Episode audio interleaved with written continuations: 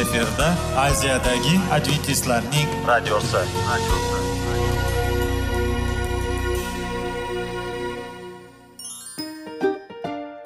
assalomu alaykum aziz radio tinglovchilar sog'liq daqiqasi rubrikasiga xush kelibsiz zero tananing sog'lom bo'lishi va uning kasalliklardan saqlash har bir insonning burchi hisoblanadi.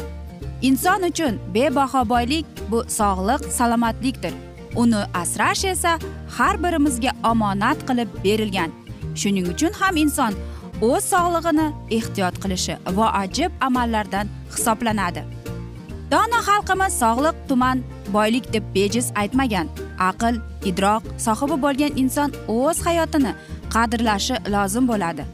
Hozirgi kunda qanchalik dori darmonlar ko'paymasin tibbiy muassa sifati shifokorlar vasiyasi tibbiy texnika yaxshilanmasin. Agar insonning o'z salomatligi haqida qayg'urmasa kutilgan natijaga erishib bo'lmaydi va biz sizlarga bizning dasturimizga xush kelibsiz deymiz.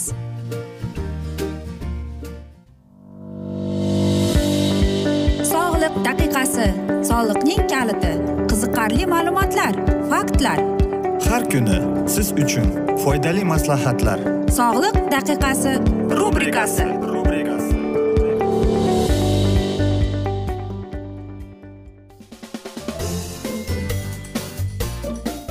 assalomu alaykum aziz radio tinglovchilar. Dasturimizga xush kelibsiz va biz sizlar bilan besh daqiqa sog'liq uchun deb atalgan dasturimizda xushvaqt bo'ling deb aytamiz. Va bugungi bizning dasturimizning mavzusi vitaminlarning saraton davolashda roli deb ataladi. Albatta biz sog'lig'imizni yaxshi ushlab turish uchun bizga vitaminlar kerak. Lekin qanday qilib biz ularni to'g'ri qabul qilishimizni bu juda muhim deydi. Lekin bizning sog'lig'imiz hozirgi vaqtda aynan bizni qanday ob havo qanday tabiat uchrashi bu albatta ekologiya ham eng muhim rolni o'ynaydi. Ya'ni quyosh havo suv va hokazolar. Lekin eng asosiysi esa bu vitaminlar. Albatta oxirgi yillari e, yuz yillar davomida ko'plab zavodlar ko'plab kerak emas e, mana shunday quruq narsalar paydo bo'ldi va ular bizning sog'lig'imizga kimyoviy tomonlama zarar olib keldi. Va mana shu oqibatda bizning immunitet sistemamiz birozgina kuchsiz bo'lib qoldi va bu ko'proq ko'p kasalliklarning sababi ham bo'lib qoldi deymiz. Lekin aynan kasalliklarning sababi e, nafaqat bu toksik e, birlashuvlar aybdor emas balkim deydi hattoki biz ovqatimizga mana shu qo'shimcha ovqatlarni iste'mol qilayotganimiz. Masalan aytaylikki Э, uning ko'rinishini yaxshilash uchun yoki razrixlitellarni qo'shganimiz oqibatida bizning sog'lig'imiz immunitetimiz pasayib ketgan. Masalan e, noto'g'ri ovqatlanish ham. Aytaylikki alkogol kofe nikotin va hokazolar aziz do'stlar. Masalan mana shu yuqorida aytib o'tgan sizlarga mana shu kerak emas narsalar leykemiya kasalligiga olib kelar ekan. Lekin bilasizmi biz ko'p ortiqcha suv ichsak ham deydi sog'lig'imizni yo'qotar ekanmiz shuning uchun kim deydi o'zi sog'lom bo'lishni xohlasa deyapti u yomon odatlardan voz kechish kerak deyapti. Ayniqsa ovqatga mana shu shirin ovqat kerakli ovqatlarni iste'mol qilsa deydi. Ya'ni qarang albatta biz o'tirishga borganimda osh yoki yog'li ovqatlar shashlik yegimiz kelib qoladi va albatta tabiiyki o'tirishga borganimizda u yerda ichkilik bo'ladi va biz ichib tamaki tortamiz va mana shuning orqasida aynan mana shu muqaddas kitob so'zi bo'yicha aytganimizda gunoh qilamiz. Va bu narsalar deyapti ko'proq yoshlarning orasiga kelib qolyapti. Afsus deydi. Har bir inson deyapti o'zining sog'lig'iga muhtoj ham mas'uliyatli deydi. Nega deymizmi? Biz sog'lom bo'lishga deyapti tug'ilishimizdan paytimizdan boshlab harakat qilishimiz kerak. Lekin afsuski deyapti hammada ham bunday bo'lavermaydi deydi. Masalan deydi ko'proq mana shunday so'rovnomalarni o'tkazganida deyapti yangi tug'ilgan chaqaloqlar yoki boshqa e, yangi emizli bolalarni deydi ularda ko'proq kasallar chiqadi deydi. Masalan leykemiya yoki boshqa narsalar buyrak ko'zlar jigar kasalligi ham deydi. Bu demak deydi bu narsani bir narsa dalil qilib beradiki demak deydi u onaning qornida bu kasalliklar paydo bo'lgan deydi. Bu esa deydi eng asosiy narsa deyapti. Ota onaning noto'g'ri hayot tarzi kelib chiqqanning oqibati deydi. Ko'p kasalliklar deydi ayniqsa chernobilning katastrofasidan keyin belorussiya minskda qaraganimizda deydi u yerda deyapti leykemiya kasalligi bilan kasallanganlarni juda yuqori turadi deydi. Qanday qilib bu bosqichdan qanday qilib bu qopqondan chiqib ketsak bo'ladi deydi. Albatta aziz do'stlar eng asosan deydi biz sog'lom ovqatlanib sog'lom bo'lishni xohlasak biz to'g'ri ovqatlarni to'g'ri sabzavotlarni tanlashimiz kerak deydi. Chunki deyapti ko'proq masalan bu meva sabzavot bo'lishi mumkin. Chunki ularga qandaydir bir ximikat qo'shishadi va hokazolar qo'shishadi shuning uchun ham hozirgida e, mana shunday bir urf bo'lib qoldiki shaharning chetidan uy olishadi va u yerda o'zlari kichkinagina bir огород qilishib dalada o'sha yerda o'zlariga kerakli narsalarni o'stirish bu eng qulay va foydali deb aytishadi. Shuning uchun ham deydi aynan uyda o'stirilgan meva sabzavotlar eng e, yuqori turadi. Chunki siz bilasiz nimani o'stiryapsiz nimani ekyapsiz va qanday uni ishlatasiz? Ayniqsa deyapti bizning immunitet sistemamizga o'zimizning organizmimizga yordam berish uchun bizga vitaminlar juda kerak deydi. Shuning uchun ham deydi biz vitaminlarni kuniga qanday qilib iste'mol qilishimiz qaysi vaqtda nima qilishda o'shani hammasini bilishimiz kerak deyapti. Va aynan deyapti agar biz ko'proq e, bunga bee'tibor qarab noto'g'ri ovqatlansak deydi bu bizni deydi tez qaritadi sklerozga olib keladi deydi va albatta saraton kasalliklarining kasalligini ham chaqiradi deydi. Ko'p e, mamlakatlarda mana shunday tajribalar o'tkazilganki agar deydi kimning qaysi bir oila qaysidir bir juftlik deyapti dasturxonida meva sabzavot bo'lsa deyapti ular sog'liqqa ham boy deyishadi. Shuning uchun ham deydi biz vitamin a e c ko'p vitaminlarni iste'mol qilishimiz kerak. Va albatta bu narsalarni biz bir biri bilan ushlashimiz kerak. Deydi ya'ni bir kun aytaylikki vitamin cni siz har olti soatda iste'mol qiladigan bo'lsangiz demak shunday tuzishingiz kerakki har bitta vitaminda sizning tovog'ingizda bo'lishi kerak deymiz. Albatta biz aytamizki sog'lom ovqatlanish to'g'ri ovqatlanish deymizu lekin o'ylanib qolamiz qanday qilib buni to'g'ri yetishtirsak ekan deb. Keyingi dasturlarda albatta biz sizlar bilan qaysi vitaminni qaysi biri bilan ovqatlanib iste'mol qilsa bo'ladi deb aytib o'tamiz. Hozir esa aziz do'stlar e, bugungi dasturimizni yakunlab qolamiz. Chunki vaqt birozgina chetlatilgan lekin keyingi dasturlarda albatta mana shu mavzuni yana o'qib eshittiramiz. Va biz umid qilamizki bizni tark etmaysiz deb chunki oldinda bundanda qiziq bundanda foydali dasturlar kutib kelmoqda deymiz. Biz sizlarni salomat klub internet saytimizga taklif qilib qolamiz yoki whatsapp orqali aloqaga chiqishingiz mumkin.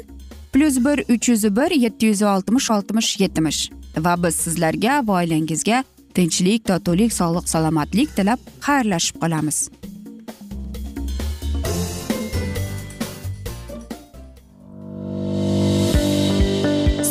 Daqiqasi soliqning kaliti qiziqarli ma'lumotlar faktlar. Har kuni siz uchun foydali maslahatlar. Sog'liq daqiqasi rubrikasi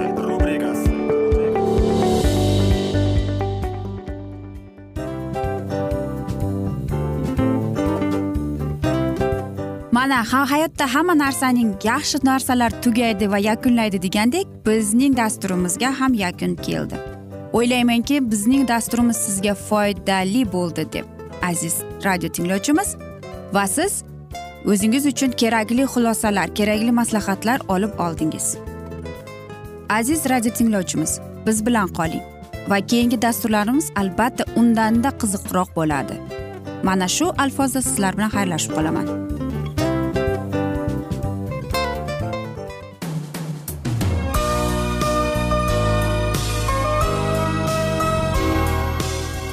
Efirda aziyadagi adventistlarning radiosi.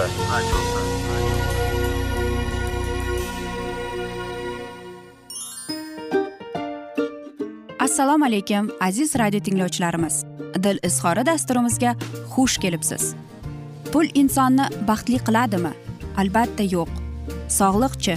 Albatta bo'lishi mumkindir. Lekin olimlar shuni isbotlashdiki to'liq va mukammal munosabatlar insonlarni baxtli qilar ekan. Albatta biz hayot davomida biz yaqin insonlar bilan odamlar bilan aloqada bo'lamiz va ular bilan munosabatlarimiz qanday kechadi qanday tuziladi? Yigit va qiz er va xotin ota ona va farzandlar va yaqin insonlar bilan. Balkim hozirgi vaqtda kimnidir hayoti yoki munosabatlari buzilyapti. Va bizning dasturlarimiz ularga yordam bo'ladi deb. Va oldinda sizlarni qiziqarli intervyular va mavzular kutyapti va biz umid qilamizki siz biz bilan qolasiz deb.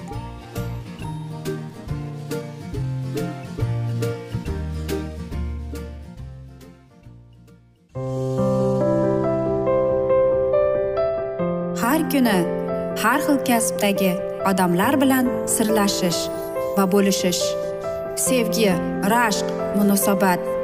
Bularni hammasi dil izhori rubrikasida.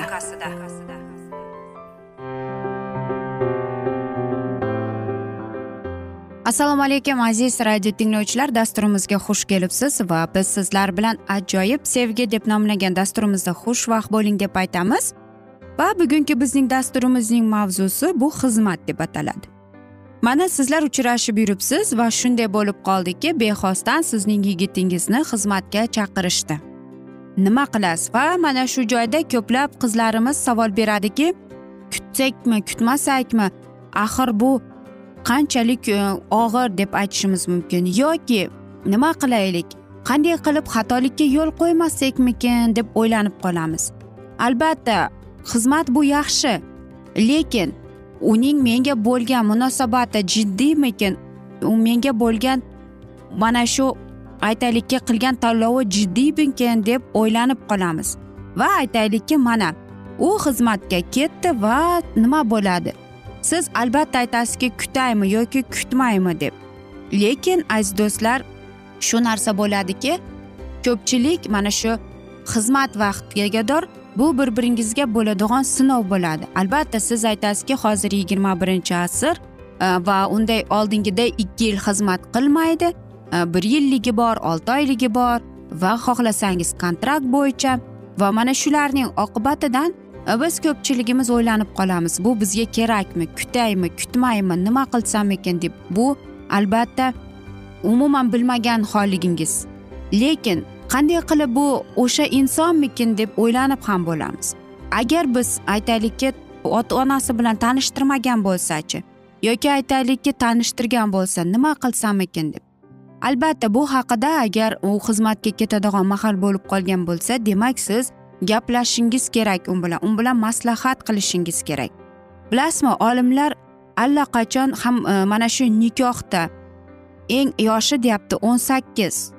Albatta o'n sakkiz deydi. Lekin yigirma yigirma uch yosh deyapti. Aynan nikoh uchun bor yosh bilishini deydi. Insonlar deydi ayniqsa yosh yigitlarimiz tushunib yetishi kerak. o'n sakkiz yosh u nima u? Hali go'dak deymiz ham. Albatta balkim siz yigitingiz bilan bir biringizni juda uzoq vaqtdan beri bir biringizni bilasiz.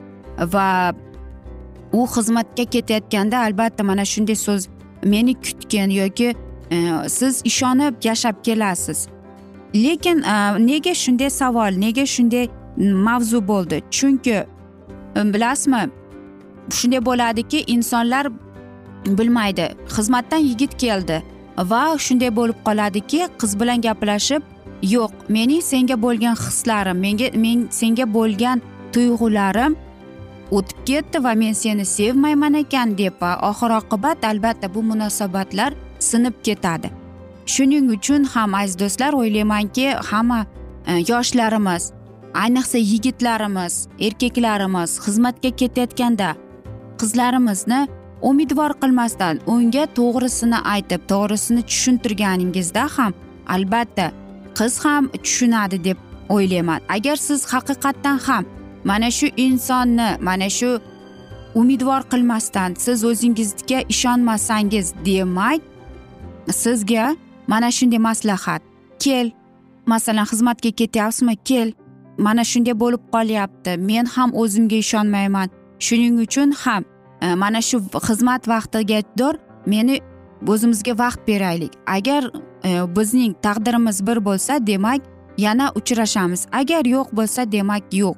Mana shunday bo'ladi. Yoki mana shunday ham bo'ladiki bir biringizni uzoq vaqtdan beri bilasiz va siz uchrashib yuribsiz u xizmatga ketdi va albatta mana shu vaqtda nima qilsam ekan qanday qilsam ekan deb agar siz yigitning ota onasini bilsangiz tanisangiz tez tez kirib turishiga mehmonga harakat qiling xabar olib turing. Bu eng yaxshi e, bir misollardan sizlarga.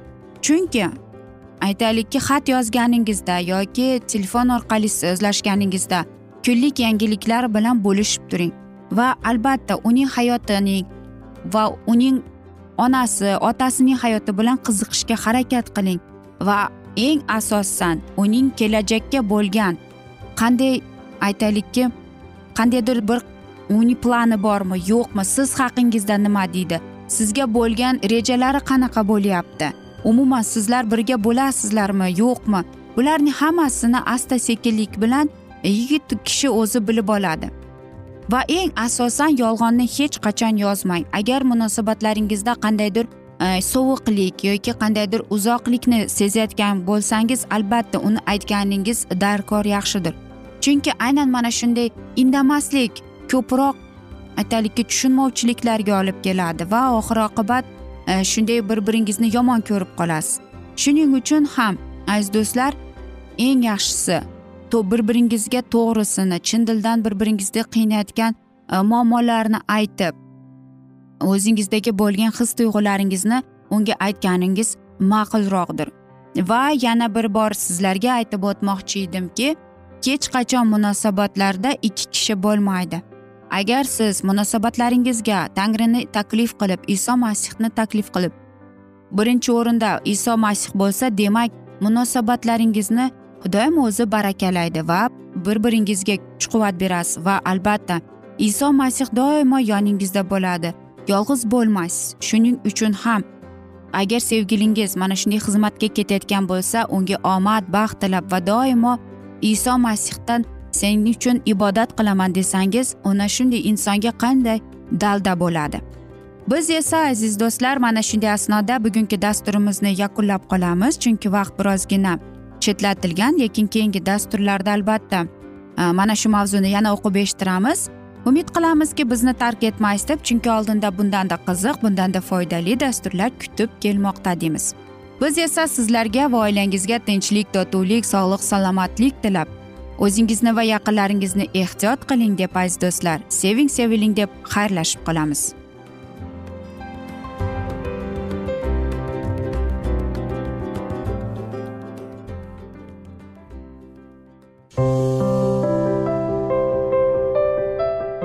Har kuni har xil kasbdagi odamlar bilan sirlashish va bo'lishish sevgi rashq munosabat bularni hammasi dil izhori rubrikasida.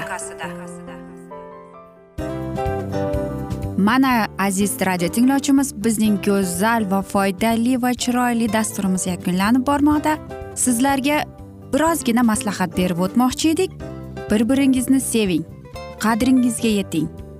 Va erkalang albatta bir biringizni va sizga judayam chiroyli va mustahkam munosabatlar tilab qolamiz albatta. Sevgilingiz doimo yoningizda bo'lsin. Mana shu borada sizlar bilan xayrlashib qolamiz. Xayr.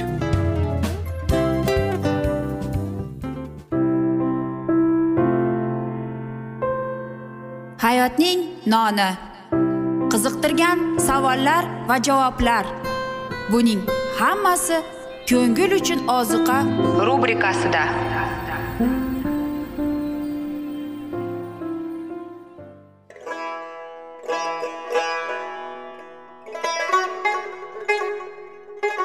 Assalomu alaykum aziz radio tinglovchilarimiz.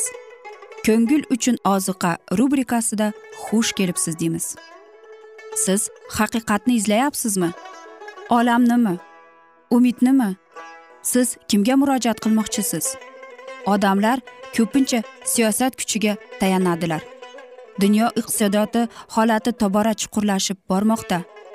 Tabiiy ofatlar va texnogen halokatlar minglab insonlarning hayotini olib ketib juda katta zarar yetkazmoqda.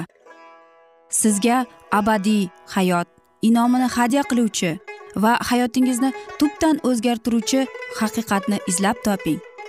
Xudo haqidagi haqiqat uning kalomida mujassamlashgan. Kimki bu haqiqatni butun qalbi bilan izlasa albatta unga yetishadi. Bu sevgi xudoning tarixidir. Hayotingizda yoki sizning yon atrofingizdagi olamda nimalar yuz berishidan qat'iy nazar? Siz ertagi kunga buyuk umid va ishonch hosil qilishingiz mumkin. Hozirda xudo sizga taklif qilayotgan umid ishonchga o'z qalbingizni oching va sizni qiziqtirayotgan mavzularni savollaringizga javoblaringizni topib olasiz deb umid qilamiz. Biz bilan qoling.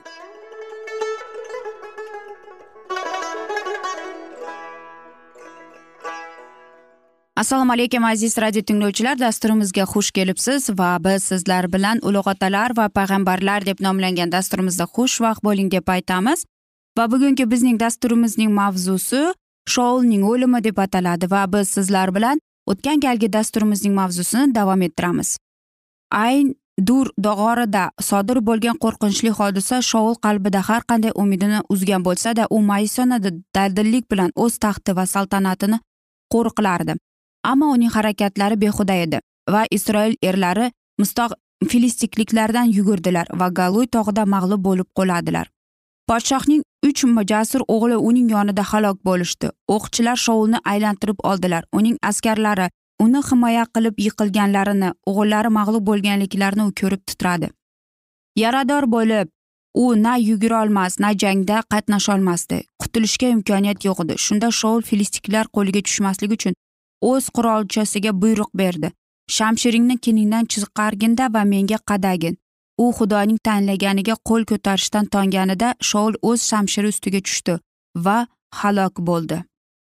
Isroilning birinchi podshohi ana shunday hayotini yakunladi. O'z o'zini o'ldirib o'z joni u jonini dog'dadi. U o'z hayotini barbod qildi. Qabrga mayuslikda va sharafni yo'qotib tushdi chunki u o'zining buyuk buzuq irodasini ilohiy irodaga qarshi qo'ydi. Mag'lubiyat bo'lish xabari butun tomonga tarqalib isroilni vahimaga keltirdi. Xalq o'z shaharlarini qoldirib qocha boshladi. Filistiklar esa ularga jangsiz qirib keldilar.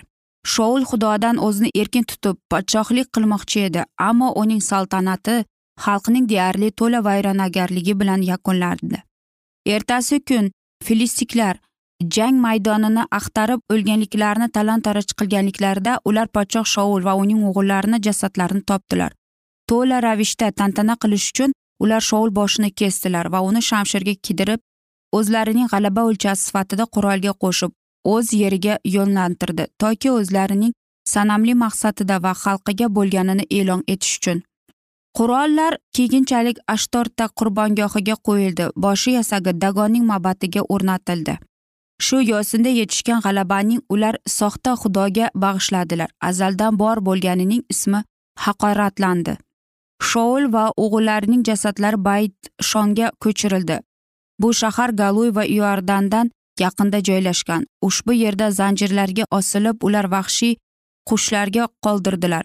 Ammo yobish galget yashovchilari shoul o'z saltanatining baxtli vaqtlarida ularni qutqarganini xotirlab minnatdorchilik bilan uni hurmatladilar va dafn etdilar. Kechasi iordandan o'tib ular shoul va va o'g'illarining jasadlarini bayt shon devoridan oldilar va yobishga qaytib ularni yondirdilar. Keyin suyaklarni olib eman ostiga ko'mdilar va yetti kun ro'za tutdi qirq yil oldin qilgan olijanob harakatiga sezgir va hamdar qo'llar mag'lubiyatining va sharafsizligining zulmati shu soatida shoul va o'g'illarini dafn etish uchun o'rin tayyorladilar. Agar e, biz e, mana shu hikoyani mazmunini yoki aytaylikki uning nima ma'noda qanday o'zimizga tajriba qilib olsak bo'ladi deb savol bersak qarangki biz hammamiz bilamizki muqaddas kitobda xudo aniq ko'rsatmalar bergan. E, demak sehrgarlar folbinlar e, mana shunday narsalarga man etilgan va bu eng katta gunoh hisoblanadi. Lekin shoul xudoni qarangki u xudo unga aytgan men doimo sen bilan bo'laman desa ham lekin afsuski shoul ishonmasdan u folbinga bordi va oxir oqibat albatta nima bo'lganini biz ko'rdik. Lekin bu yerda ayanchli shuki hozirgi bizning ham yigirma birinchi asrda ham shunday bu davom etadi. Albatta e, masalan folbinlarga boramiz. Odamlar mana shunday narsalarga murojaat qilishadiyu lekin shu narsalar gunohligini va shoul folbinga borganligining oqibatidan nimaga va qanday qurbonlik keltirganini biz bildik. Lekin bilasizmi mana shu o'liklar bilan gaplashish yoki palonchi bilan gaplashdim degan bu gunoh va bu shaytonning vasvasasidir. Faqatgina shayton xudo hech qachon bunday narsalarga yo'l qo'ymaydi. Chunki muqaddas kitobda yozilganki turpoqdan yasalgansan turpoqqa qaytursan deb. Va shuning uchun ham muqaddas kitobning agar biz oxirgi kitobini bobini ochib qarasak u yerda shunday so'zlar borki o'liklar eshitmaydi o'liklar tinglamaydi ko'rmaydi deb ular uxlaydi. Ya'ni hozir mana masalan inson o'ldimi uni ko'mdimi u o'lgani yo'q uni joni aytaylikki bir e, do'zaxda ham emas jannatda ham emas u hozir uxlayapti. Lekin iso masih kelib ikkinchi marotaba kelganida ularni uyg'otadi. Afsuski shoul e, mana shunday narsalarning qadrini bilmasdan u ishonmasdan xudoning kuchiga u folbinga murojaat etishga bordi. Va albatta biz eshitdikki bu e, xudo shoumulning ruhi emas edi. Bu e, shaytonning shomulni olgan qiyofani jindir deb. Shuning uchun ham biz xulosa qilib chiqarishimiz kerakki xudo man etgan narsalar bu gunohdir deb. Va mana shu shoulning aynan mana shu hikoyasi biz uchun bir tajriba bo'ladi deb. Aziz do'stlar biz esa mana shunday asnoda bugungi dasturimizni yakunlab qolamiz chunki vaqt birozgina chetlatilgan lekin keyingi dasturlarda albatta mana shu mavzuni yana o'qib eshittiramiz. Va agar sizlarda savollar tug'ilgan bo'lsa bizlar bilan whatsapp orqali aloqaga chiqishingiz mumkin. Bizning whatsapp raqamimiz plyus bir uch yuz bir yetti yuz oltmish oltmish yetmish. Umid qilamanki bizni tark etmaysiz deb chunki oldinda bundanda qiziq va foydali dasturlar kutib kelmoqda sizlarni deymiz aziz do'stlar. Va biz esa sizlarga va oilangizga tinchlik totuvlik tilab o'zingizni va yaqinlaringizni ehtiyot qiling deb xayrlashib qolamiz.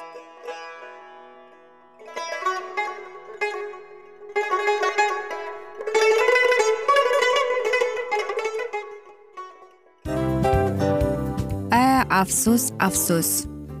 Hamma yaxshi narsaning ham yakuni bo'ladi degandek bizning foydali va qiziqarli dasturlarimiz ham yakunlanib qoldi. Va men umid qilamanki bizning dasturlar sizga ozgina bo'lsada maslahat berdi foyda berdi. Va sog'liq borasida ayniqsa sizlarga foydali bo'ldi deb. Va siz bizning maslahatlarga amal qilasiz deb.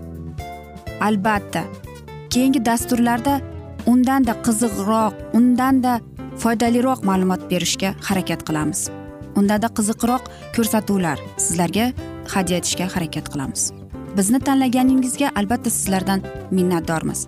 Sizlarga baxt omad va sog'liq tilab qolgan holda mana shu alfozda sizlar bilan xayrlashib qolamiz. O'zingizni ehtiyot qiling sog' bo'ling omad sizga xayr.